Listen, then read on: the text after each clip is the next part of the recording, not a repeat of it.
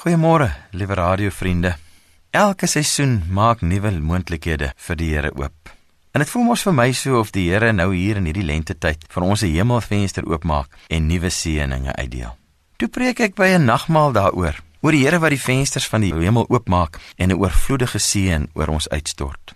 'n Paar lidmate het vensterrangskikkings gemaak op die nagmaaltafels wat ons oral in die kerk gedek het. Ai, dit was so 'n belofteryke gesig. Al die vensterrame en die uitbeeldings van die seëninge wat die Here deur die vensters aangee. Nou ek wil vanmôre vertel van Len Dubery se uitbeelding by die nagmaaltafel voor in die kerkgebou. Voor die tafel het hy 'n klomp groot kleurvolle geskenkpakkies gepak en met kleurvolle rykers wat uit elkeen blom en net agter die nagmaaltafel 'n groot vensterraam met wit en silwer geskenkpakkies en blomme en kersse en glas alles so wit agter die tafel so neutraal. Soveel van oorvloed wat by die venster uitkom. Toe gee Len sommer die byskrifte ook. Nico kyk nou. Die oop pakkies stel nou gister se seëninge voor. Die geskenke van die Here. Kleurvol man elkeen anders. Ons weet reeds van hulle. Hulle het reeds in ons lewens kleur gegee, meer as wat ons kon bid of dink. Maar kyk nou die môre pakkies. Hulle is nog toe, onbekend. Daarom het ek hulle wit gemaak, neutraal, maar hulle is daar. Dit kom van God af.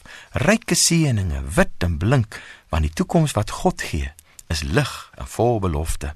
Vriende, toe dink ek by myself, ai, as almal maar nou soos Len met sulke kinderlike opgewondenheid die Here se goeie gawes vir die toekoms kan afwag.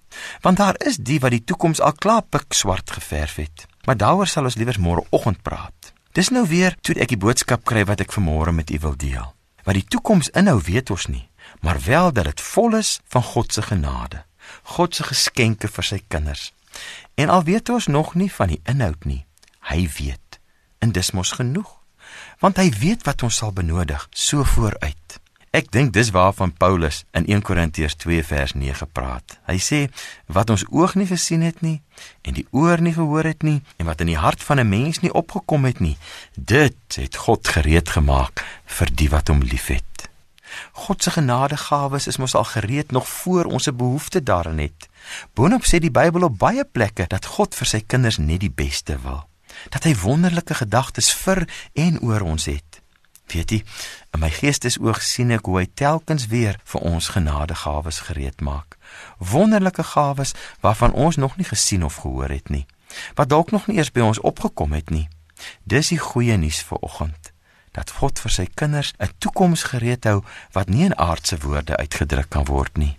Sy geskenke behels iets veel wonderlikers as wat ons ons kan voorstel. Dis daarom dat ek hier aan die begin van die somer met soveel geloofsverwagting uitsien na alles wat ons nog die res van hierdie jaar uit die hemelvenster sal ontvang.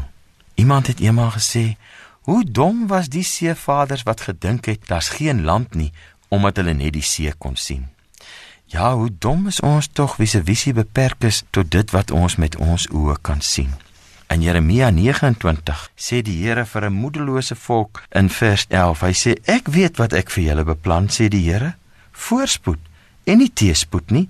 Ek wil vir julle 'n toekoms gee, 'n verwagting." En daarna moedig hy hulle aan om uit hierdie volheid te lewe. Hy sê: "Ek is die Here, die Almagtige, die God van Israel, wat vir al die ballinge wat ek uit Jerusalem na Babel toe weggevoer het, nuwe drome het." Bou vir julle huise en bewoon dit. Lê tuine aan en eet die opbrengs daarvan. Trou en bring kinders in die wêreld en laat hulle trou en kinders in die wêreld bring. Bevorder die belange van die stad waarin ek julle in ballingskap weggevoer het. Bid tot my vir daardie stad, want sy belang is ook julle belang. Vanmôre por die Here ons aan om in antisisipasie uit die toepakkies van môre te begin lewe. Sterkte.